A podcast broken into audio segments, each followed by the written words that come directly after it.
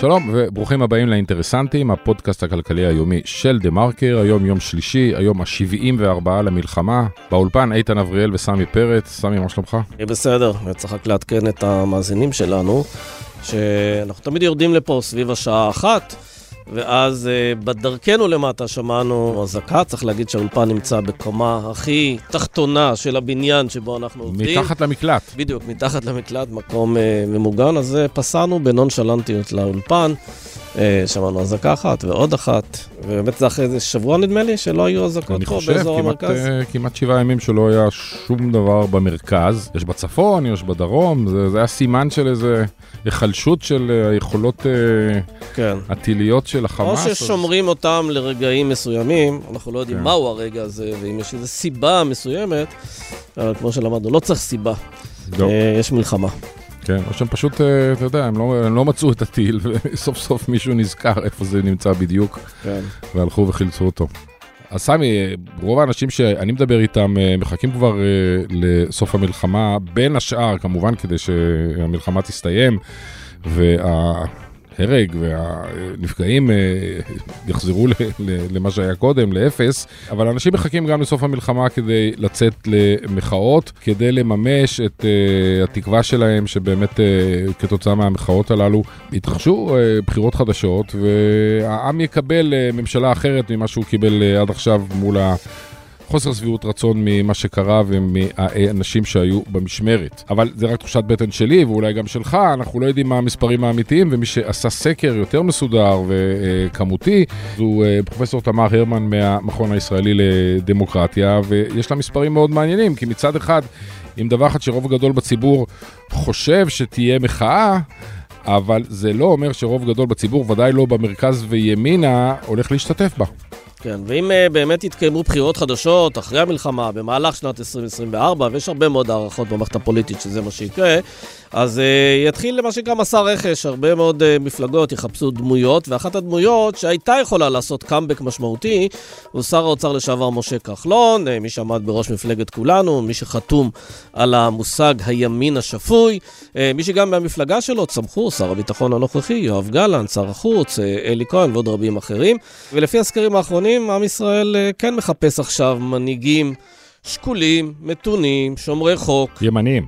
ימין מרכז כזה, אתה יודע, לא, לא ימין קיצוני, כי ממשלת ימין מלא מלא ראינו לאן היא הובילה, ואם ככה מסתכלים על מועמדים, אז כחלון אה, לפחות נתפס ככזה, ימין, שקול, מתון, שומר חוק, אבל משה כחלון בחר לקחת תפקיד של יושב ראש חברת אשראי פרטית. החברה הסתבכה בחשד לפלילים, וכעת, בעקבות חקירה של רשות ניירות ערך, הועברו לפרקליטות המדינה ממצאים שמציבים גם חשד כלפיו על אה, גם עבירות דיווח וגם עבירות אה, נוספות. זה כמובן, כל עוד זה קיים, העננה הזו קיימת.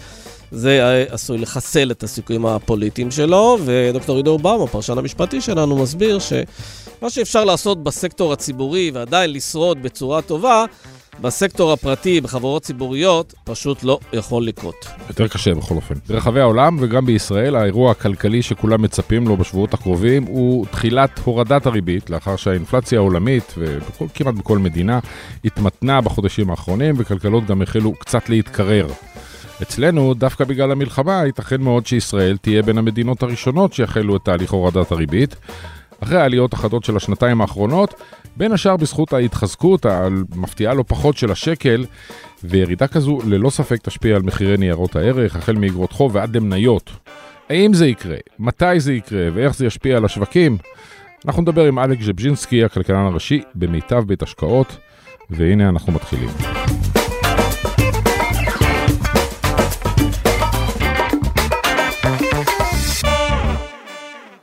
שלום לפרופסור תמר הרמן. שלום רב. היי. ממרכז אה, ויטרבי לחקר דעת קהל ומדיניות, המכון הישראלי לדמוקרטיה. אנחנו מדי פעם אה, קופצים אלייך כדי להבין קצת את אה, רכשי הלב בקרב הציבור. אנחנו בעיצומה של מלחמה, מלחמה ארוכה מאוד, ואתם שואלים, אתם אומרים לאנשים, תשמעו, צופים שבסיום המלחמה יפרוץ בישראל גל מחאה אזרחית המונית. בתביעה מאחראים, גם הדרג המדיני, גם הדרג הצבאי, אנשים שהם אחראים למחדל, לתת על כך את הדין. ואז שואלת אותם, האם תשתתף בזה, ולפי מחנות. אז תני לנו את הנתונים. זה בא בעקבות שאלה קודמת. השאלה הקודמת הייתה, האם אתם מעריכים שבכלל תפרוץ מחאה? ושם היה לנו רוב בכל שלושת המחנות הפוליטיים, כמובן יותר גבוה בשמאל ובמרכז, אבל גם בימין למעלה מ-70 אחוז, שאמרו, כן, הולכת אה, לפרוץ מחאה המונית. ואז עשינו חושבים ואמרנו, אוקיי, הם מעריכים שתהיה מחאה, אבל האם הם... הולכים, ל, עומדים ל, להשתתף בה. ומצאנו כמובן אה, שוני אה, מאוד, אה, מאוד גדול. בשמאל 85 אחוז אמרו שהם עצמם השתתפו, במרכז 60, שזה הבדל לא קטן בכלל, ובימין 29 אחוז בלבד אומרים שהם השתתפו במחאה הזאת, שזה קצת דומה לשיעור שאמרו לנו שהם משתתפים במחאה גם בתקופה של אה, קפלן, קצת אה, יותר גבוה. אבל זה לא מחאת ימין, וכל מי שחושב שהמחאה אה, תכיל את כל שכבות העם והציבור, הוא טועה, זה, זה בפירוש. אז אולי זו השאלה הפחות חשובה, כי אתם גם שואלים איזה סיכוי אתה נותן לזה שיהיו בחירות לאחר המלחמה, ופה כבר את רואה שיש רוב מאוד מאוד גדול, 69% מכלל הציבור סבורים, שצריך לקיים בחירות עם סיום המלחמה, לרבות חלק מאוד גדול של הימין. אמת. עכשיו אני רוצה להגיד משהו על הימין, וזה מאוד חשוב. כי הימין נתן 51.5 אחוזים שאומרים שהם רוצים אה, אה, בחירות לאחר המלחמה.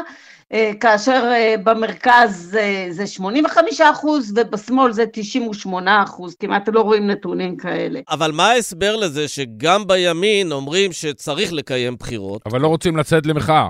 יפה, זה לא אומר שהם רוצים להחליף את הממשלה. אם אתה רוצה לעשות בחירות חדשות בימין, אתה יכול להניח שתי מוטיבציות, נאמר כך. מוטיבציה אחת זה לאשש את העובדה שיש לממשלה הזאת רוב. אתם אומרים שהכל לא בסדר, הייתה מחאה נורא גדולה, הייתה מלחמה, בואו נצא לציבור ונראה איפה אנחנו נמצאים. בתקווה שתחזור אה, ממשלת ימין ואולי אפילו אותה ממשלה. אה, מוטיבציה שנייה בימין יכולה להיות אה, להרחיק את הגורמים שנתפסים כגורמים שפוגעים מאוד בפופולריות של הממשלה, היינו סמוטריץ' ובן גביר, ולהכניס אה, פנימה אנשים אחרים שגם הם ימין, כמו נפתלי בנט שלפי הסקרים מקבל עכשיו הרבה מאוד מושבים, יוסי כהן קצת פחות, אולי אפילו לפיד אפשר להכניס אותו. בקיצור, אלה שאומרים מהימין שהם רוצים אה, בחירות, בהחלט יכולים לשנות קומפוזיציה של ממשלת ימין. אגב, עולה בדעתי עוד הסבר לזה, יכול להיות שיש כאלה שאומרים... אה, בעקבות המלחמה, בעקבות המעורבות האמריקאית, ייתכן שמדינת ישראל תהיה לחץ מאוד גדול אה, לקדם את הרעיון של מדינה פלסטינית, ואז אתה אומר, תשמע, עם ביבי, אנחנו לא יודעים בדיוק, אתה יודע, הוא מתנדנד ויש לו כתבי אישום, ופעם הוא אמר שהוא בעד שתי מדינות ופעם לא. אולי עדיף אה, לבחור אה, באנשים שאיתם אנחנו בטוחים שלא תהיה מדינה פלסטינית. אתה רוצה ללכת ימינה מביבי, יפה לך. לא, כי המלחמה הזו, אי אפשר להגיד שהאירועי הטרור של ה-7 באוקטובר לקחו את המדינה שמאלה. אתה לא יכול להגיד כזה לא דבר. אמרתי את זה, אבל אה, זה יפה ש... אתה מעריך שאולי אני שואל, לא, אני שואל את תמר. העם רוצה להיות עוד יותר אה, ימינה אה, מהממשלה הנוכחית. אני אה, מפקפקת כי אנחנו לא רואים שום עלייה ברורה כששואלים אנשים למה תצביע אם יהיו בחירות מיד לאחר כן. המלחמה, אנחנו לא רואים עלייה בימין הרדיקלי. כן, מה לגבי הנושא של אה, שתי מטרות המלחמה, שגם מיטוט החמאס והשבת החטופים? מהי מידת האמון ש... שהנשאלים, האנשים שהפניתם אליהם את השאלה הזו, נותנים לכל אחת מהמטרות? אז אה, אה, באמת אה, די שובר לב, אני חושבת. בקרב היהודים 71 אחוז אומרים, זאת אומרת רוב מאוד ברור, אומרים נצליח למוטט את התשתית הצבאית והמדינית של החמאס, אבל רק 33 אחוז אומרים שנצליח להשיב את כל החטופים. אפילו לא שמנו כאן את המילה בחיים, בכוונה. כי רצינו את, את ההחזר. בקרב הערבים האמון יותר קטן, גם בש, בשתי ה... בעצם בנושא של התשתית, כן. מיטוט כן. החמאס, אבל קצת יותר גבוה בנושא של החזרת השבויים. שמאל, אה, מרכז וימין, אז השמאל הוא קצת דומה לערבים, אם כי בהיפוך.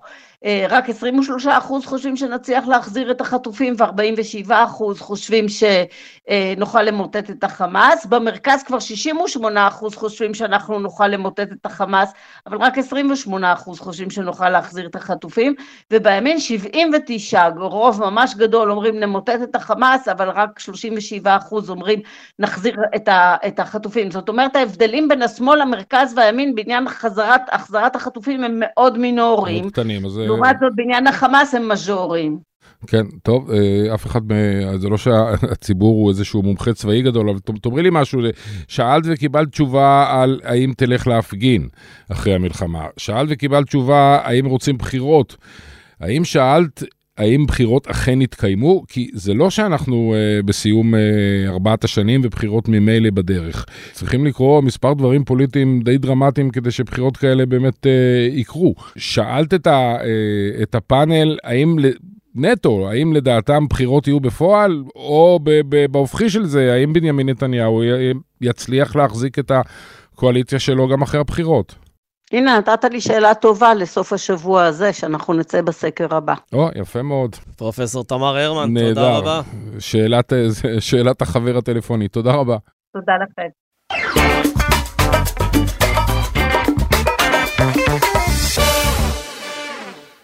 שלום לדוקטור עידו באום.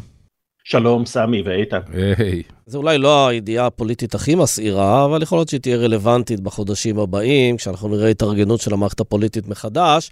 אה, דיברו בשנתיים האחרונות על האפשרות שמשה כחלון, שר האוצר לשעבר, יחזור לפוליטיקה. אה, כנראה שהחיידק הזה אף פעם לא מסתיים, אלא שהשבוע רשות ניירות ערך אה, שפכה הרבה מאוד מים קרים על התקווה הזו, על הציפייה שלו לחזור, כשבעצם היא העבירה לפרקליטות המדינה את הממצאי חקירה שלה בפרשת יונט קרדיט, ששם היא, היא בעצם אה, די קובעת שיש חשדות נגד שתי קבוצות של מנהלים שם, הבעלים, שזה קבוצת חשדות מאוד מאוד גדולה, וקבוצה אחרת שבתוכה כחלון, שחשדות קצת פחות חמורים, אבל די ברור שעד שהעניין הזה לא נסגר, הוא יכול לשכוח מחזרה לפוליטיקה. האומנם? בוא נאמר אה, קצת אה, מה, מה הסיפור, יונט קרדיט זה חברה שעוסקת באשראי חוץ בנקאי והפרשה הזו כולה התפוצצה בערך לפני שנה וחצי, אולי טיפה יותר, אה, סביב אי סדרים כספיים שהתגלו בחברה הציבורית וגם במערכת היחסים שבין החברה יונט קרדיט הציבורית לבין החברה הפרטית בשליטת המנהלים שם שהם לא כחלון, כחלון הוא יושב ראש דירקטוריון יונט קרדיט הציבורית, תפקיד שהוא אה, נחת אליו אה, בנוחות עם כל הכיבודים של יושב ראש הדירקטוריון וחבילת שכר נאה, תגמול נאה, אה, אחרי שהוא סיים את תפקידו, או זמן קצר אחרי שהוא סיים את תפקידו כשר אוצר. ובאי הסדרים אה, לכאורה, אה, לפי החשד שרשות ניירות ערך אה, סיימה את חקירתם והעבירה לפרקליטות מיסוי והכלכלה, מצביעים על כך שכנראה שעברו שם כספים מהחברה הציבורית לחברה הפרטית, או לבעלי השליטה, חלק מהמנהלים, בצורה לא חוקית ולא דווחו. אה, והדברים האלה... אה, כספים נעלמו, בוא, אתה יודע, כן. המילה אי סדרים, זה אומר, רגע, לא, זה לא סודר במגירה למעלה, זה היה אמור להיות בארון. לא, כספים נעלמו, ולא יודעים בוודאות מי לקח אותם, אבל אה, חושדים שזה בעלי תפקיד בחברות, הפרטית, הציבורית. נכון, עכשיו החשד או העבירות שלפי ההודעה של רשות ניירות ערך מיוחסות לכחלון הם בעולמות, בוא נאמר, הפרת אמונים בתאגיד ועבירות של דיווח, או במילים אחרות האחריות המיניסטריאלית שיש לדירקטוריון על מה שקורה בחברה, על, על זה שדברים צריכים להתנהל בצורה תקינה, וכשיש סימנים לא תקינים צריך לדווח עליהם כמובן לציבור ובזמן, אה, והעובדה שמדובר בהמלצה אה, לא בהמלצה אלא בהעברת תיק לפרקליטות עם, עם חשדות פליליים, כלומר אנחנו לא מדברים על אה, אה, מה שנקרא הליכים מנהליים אלא על החומרה הגבוהה, זה אומר שלפחות בעיני רשות ניירות ערך הראיות מצביעות על כך שהאחריות של כחלון למה שהתנהל בתוך החברה לפי החשד היא ברמה מאוד מאוד גבוהה מהבחינה הפלילית. מה אומר החוק בנוגע לאדם שמעוניין במקרה הזה לחזור לפוליטיקה, אבל, אבל ברמה העקרונית ללכת לפוליטיקה, כשהוא בסטטוס הזה של אה, חקירה עם חשדות, עם חשדות למעשים פליליים שהוא עברה לפרקליטות. זאת אומרת, בדרך כלל צריך, אה, בשביל תפקידים מסוימים, אה, צריך להיות ללא עבר פלילי. אז כאן אנחנו, אז, אז בואו בוא נלך לשאלה שהיא המעניינת כנראה מבחינתנו, וזה האם כחלון באמת אה, פרטנר פוטנציאלי לבני גנץ בכל מיני... אה, בוא נניח שפוליטית כן, אה, האם הוא יכול על פי החוק? אז, אז החוק, בוא אני מזכיר לך שיש לנו ראש ממשלה שהוא לא חשוד, הוא נאשם. כן, אבל הוא כבר היה שם מלכתחילה. אני, אני שואל, רק תבהיר לנו מה אומר החוק. חוק אה, אומר שאדם אה, לא מנוע בכך שיש נגדו חקירה פלילית מלהתמודד אה, על, מלרוץ לכנסת, למשל, ברשימה כזו, ולמעשה גם האפשרות שאדם כזה ימונה לשר, קיומה של חקירה אה, ואפילו הגשת כתב אישום, תלוי איזה חומרה של עבירות, לא מונע אה, מאדם להתמנות לתפקיד שר, ושוב אני מזכיר לכם שאריה דרעי כיהן כשר גם אחרי שהורשע וריצה אה, עונשים, וכזכור בממשלה הנוכחית עלתה השאלה האם אריה דרעי מנוע מלחזור ולכהן כשר, ובסופו של דבר המניעה הייתה בין היתר בגלל שהוא התחייב, כזכור, לא לחזור, ל, אה, לא לחזור לפוליטיקה וגם זה היה כחוט השערה ואנחנו מדברים על אדם שכבר היו לו שתי הרשעות. כלומר אה, מבחינה משפטית טהורה כנראה שאם כחלון יחליט שהוא רוצה לחזור לפוליטיקה ויהיה מי שיהיה מוכן לקחת אותו אז אה, לפחות בנקודת הזמן הנוכחית, כשעוד אין בכלל החלטה על כתב אישום, אלא רק תיק אה, חקירה שהוא עבר, תחת, אה, עם, עם ממצאים לפרקליטות, כאשר לפחות רשות ניירות ערך סבורה שיש שם ראיות שמצדיקות להגיש כתב אישום, זה כשלעצמו לא טורק את הדלת בפני כחלון. ולהפך, בעצם אם אתה אומר שמותר לו, פורמלית, אז יותר מזה, יש לו גם תמריץ עכשיו להיכנס לפוליטיקה, כי אנחנו יודעים שחברי כנסת יש להם אה, היסטוריה וניסיון והצלחות לא קטנות בדחיות אחרי דחיות של הליכים פליליים נגדם, כמעט לא חשוב מתי האירועים התרחשו, בזמן שהם היו אה, כבר פוליטיקאים, שהם היו בכנסת או שהם, או שהם לא היו בכנסת. בואו אני אשאל אתכם, כי זה לא... לא, אני לא. אני שואל אתכם כי זה לא שאלה למשפטנים בלבד, השאלה, אם בני גנץ עכשיו רוצה לחזק את הכוח החברתי שלו ואת הזהות, הזהות שלו בימין, האם אה, משה כחלון הוא אדם שהייתם חושבים לא, שהוא... בני גנץ כנראה לא. שלא, כי הוא מצבו בסקרים נראה נהדר, אבל אולי דווקא בנימין נתניהו יגיד, אה, אני צריך פתאום איזה איש מתון לידי אה, בשביל קצת למרק למפלגה שלי את, את, את המוניטין. אתה יודע, אני חושב על דונלד טראמפ, ש... כל התביעות שיש לו, הרבה אנשים מניחים שהוא רץ לנשיאות, בעיקר כדי לא להיכנס לכלא. התחושה שלי זה שהתיק הפלילי אה, בסימן שאלה, כן, כי עוד, אה, עוד צריכה להיות החלטה אה, להגיש כתב אישום, ואם תהיה החלטה כזאת, אז אה, לכחלון גם יש את זכות השימוע.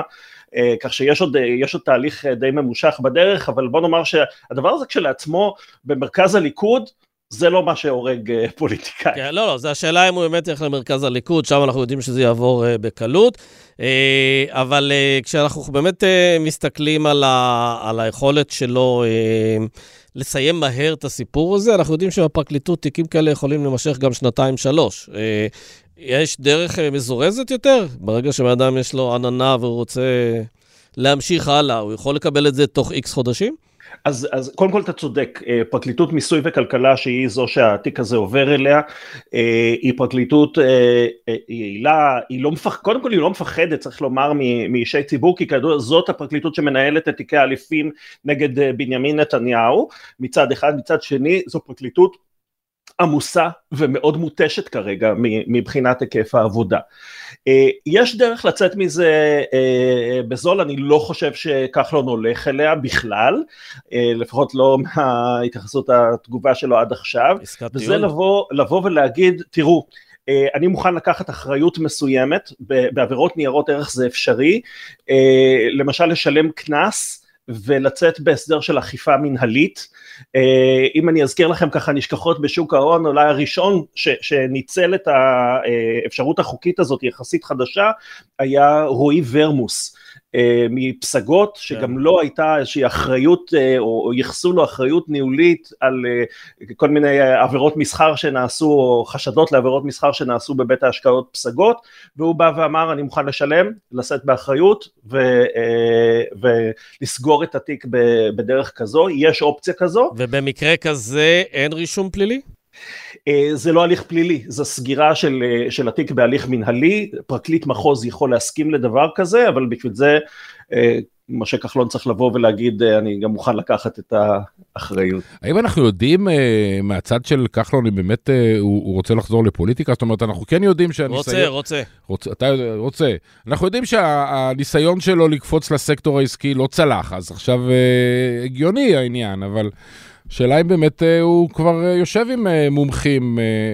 ברשתות החברתיות הוא עוד לא התחיל לעבוד, עוד לא, עוד לא נפתחו פרופילים של אנשים שקוראים לכחלון לחזור.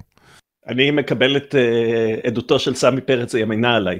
גם, גם, גם העדות שלי. כן.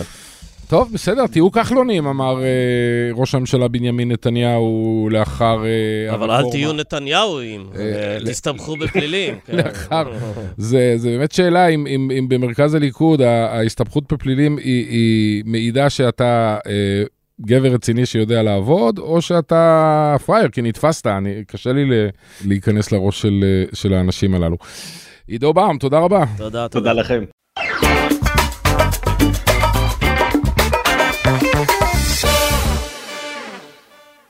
שלום לאלכס ז'בז'ינסקי.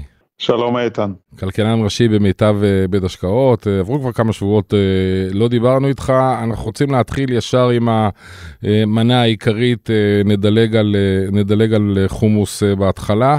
האם הריבית יורדת, מתי היא יורדת, ומה זה יעשה למחירים של אגרות החוב ושל המניות? אני חושב שבסיכוי גבוה אנחנו נראה את בנק ישראל כבר בתחילת ינואר מתחיל להוריד ריבית, כי...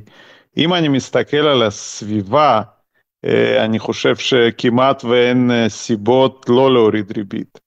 אה, אנחנו רואים שאינפלציה בישראל נמוכה כרגע, ומה שהיה, נכון ששנתית היא עדיין גבוהה מהיעד, 3.3 אחוז, אבל מה שהיה לפני אוקטובר פחות רלוונטי אני חושב, וכרגע המשק סובל מ... ביקושים חלשים, למעט מקרים מסוימים, תחומים מסוימים. דבר שני, אה, אנחנו רואים שכנראה שהמשק במיתון, אני לא, אפילו קשה להעריך איזה צמיחה אנחנו נראה ברבעון, זה לא צמיחה, זה התכווצות ברבעון רביעי, אבל אני מניח שזה אולי דו-ספרתי במונחים שנתיים. תחום הדיור בקיפאון, אשראי בנקאי יורד למעט עסקים גדולים. וגם אנחנו רואים בעולם בנקים מרכזיים עוד לא מורידים ריבית, אבל מתחילים לדבר על זה. והשקל כמובן, שכחתי להגיד שער החליפין של השקל, שאנחנו עם שער החליפין יותר נמוך מאיפה שהיינו לפני שהמלחמה התחילה. העניין הוא אבל שאתה מסתכל על חלק מההתפתחויות שקשורות במלחמה, למשל הנושא של אה, הסחר. שהרבה מאוד אוניות מסיטות את הפעילות שלהם דרך אפריקה, שזה מייקר אולי את הסחר. העניין של אה, מחסור אה, חמור מאוד בעובדים בענף הבנייה, שמקטין את התחלות הבנייה, ויכול להיות שיביא מתישהו לאיזה ביקושים כבושים ברגע ש... שיתפרצו, ברגע שהמלחמה אה, תסתיים. אה, למה אתה חושב שאנחנו בסביבה שכבר האינפלציה היא נון אישיו? קודם כל, אף אחד מהבעיות שציינת, ריבית לא יכולה לפתור. היא יכולה רק לדכא ביקושים עוד יותר. וזה יהיה אולי נכון אם באמת נראה ביטוי של זה באינפלציה, אם נגיד נראה זינוק של מחירים אה, של מוצרים מיובאים, מוצרי חשמל או דברים אחרים, או זינוק בשכר דירה כי לא בונים דירות, אנחנו לא שם ולכן כבר היום לתת תרופה למכה שעוד לא בטוח שהיא תגיע. אתה אומר קודם נרגיש את הכאב ראש, אחר כך ניקח את הכדור. אנחנו כן, כן, אנחנו במחלה בינתיים של אה, בדיוק מחלה אחרת ולהתחיל לרפא מחלה של אינפלציה כתוצאה מכל מה שאמרנו, נראה לי קצת מוקדם. כן, ותגיד לי, וכשאתה מסתכל, מהיבט אחר של הניהול המקרו-כלכלי, אתמול התבשרנו שתקציב הביטחון עשוי לגדול בסדר גודל של 20 מיליארד שקל בשנה. זה אומר פחות שירותים חברתיים, אולי יותר גירעונות, יותר גיוסי חוב, יותר יותר לחץ גם על התשואות של אגרות החוב של הממשלה. איך אתה רואה את האספקט הזה? זה מאזן במידה מסוימת את הורדת הריבית, הציפיות לעלייה בהיצע של אגרות החוב הממשלתיות. זה משהו שמחזיר אותי קצת לפני יותר מ-20 שנה, עוד uh, מתקופה של נגיד פרנקל, שהוא כל הזמן התעמת עם הממשלה על הגירעון, ושהוא כצעד נגדי לא יוריד ריבית או יעלה ריבית. Uh, זה באמת שיקול, אבל אני חושב שאנחנו לא באמת רואים כרגע ביטוי של זה.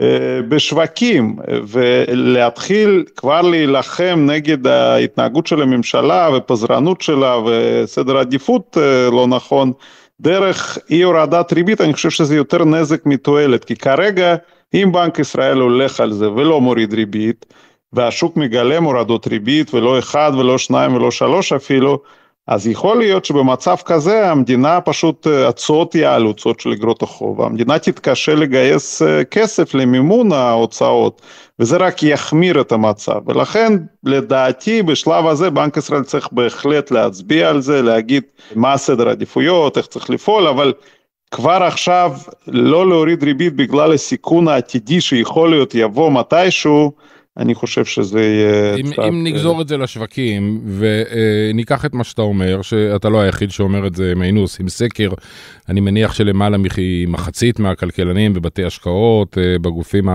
המוסדיים, היו מעריכים כמוך שהריבית תרד במה, רבע אחוז בתחילת ינואר.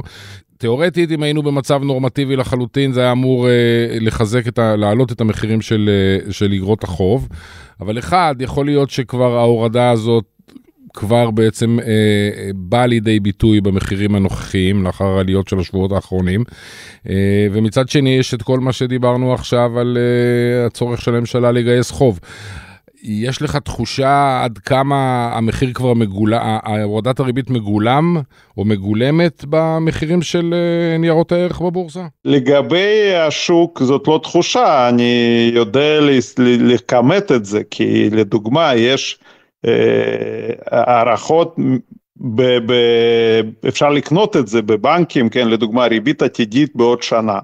השוק חושב שהריבית בעוד שנה תעמוד על שלושה אחוז או שלוש ורבע, כך שהשוק כבר מגלם אחוז וחצי של הורדות ריבית ב-12 חודשים, שזה בערך רבע אחוז בחודשיים, פלוס מינוס כמעט כל פגישה בנק ישראל אמור להוריד ריבית בשביל לעמוד בציפיות של השוק, כך שזה מה שאני אומר, שאם בנק ישראל לא יוריד ריבית, אה, אולי פעם אחת כן, אבל אם הוא ימשיך להתעקש לא להוריד ריבית... אז זו תהיה הפתעה הפעם. כן, זאת תהיה הפתעה, כן, זאת תהיה הפתעה מבחינת השוק. שוק די בטוח שהריבית הולכת לרדת, ולא פעם אחת, אלא רצף של הורדות ריבית. כן, תגיד לי, עוד שאלה אחרונה בענייני S&P, דיברנו על זה אה, בעבר, שזה היה אפיק ההשקעות אה, אולי המוביל בתקופה האחרונה.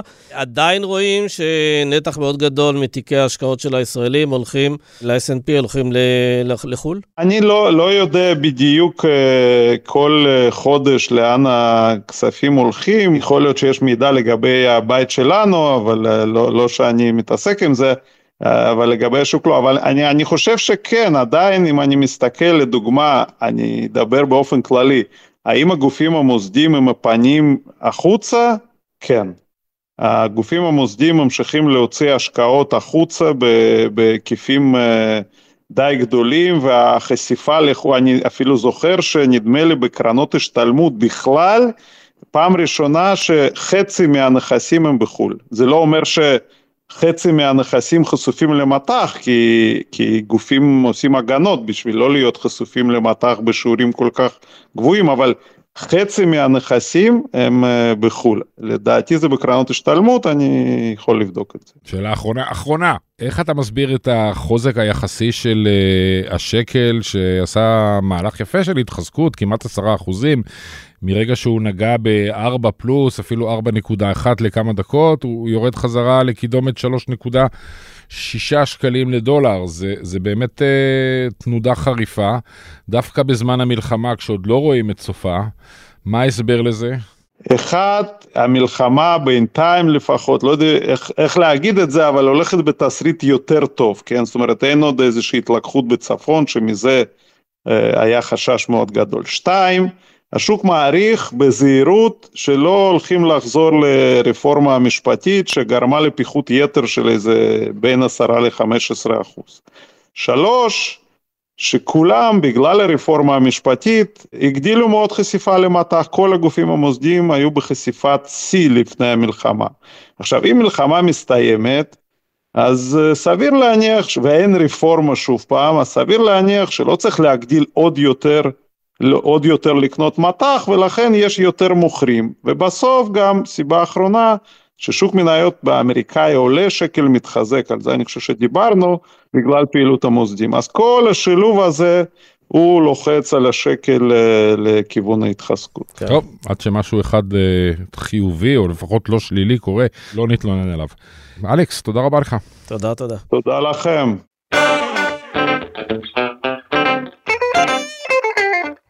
עד כאן האינטרסנטים להיום, איתן אבריאל, תודה רבה לך. סמי, תודה. ותודה רבה לנערה מלקין ומאיה בן ניסן שעורכות אותנו, אנחנו נהיה פה כרגיל, גם מחר תודה, להתראות.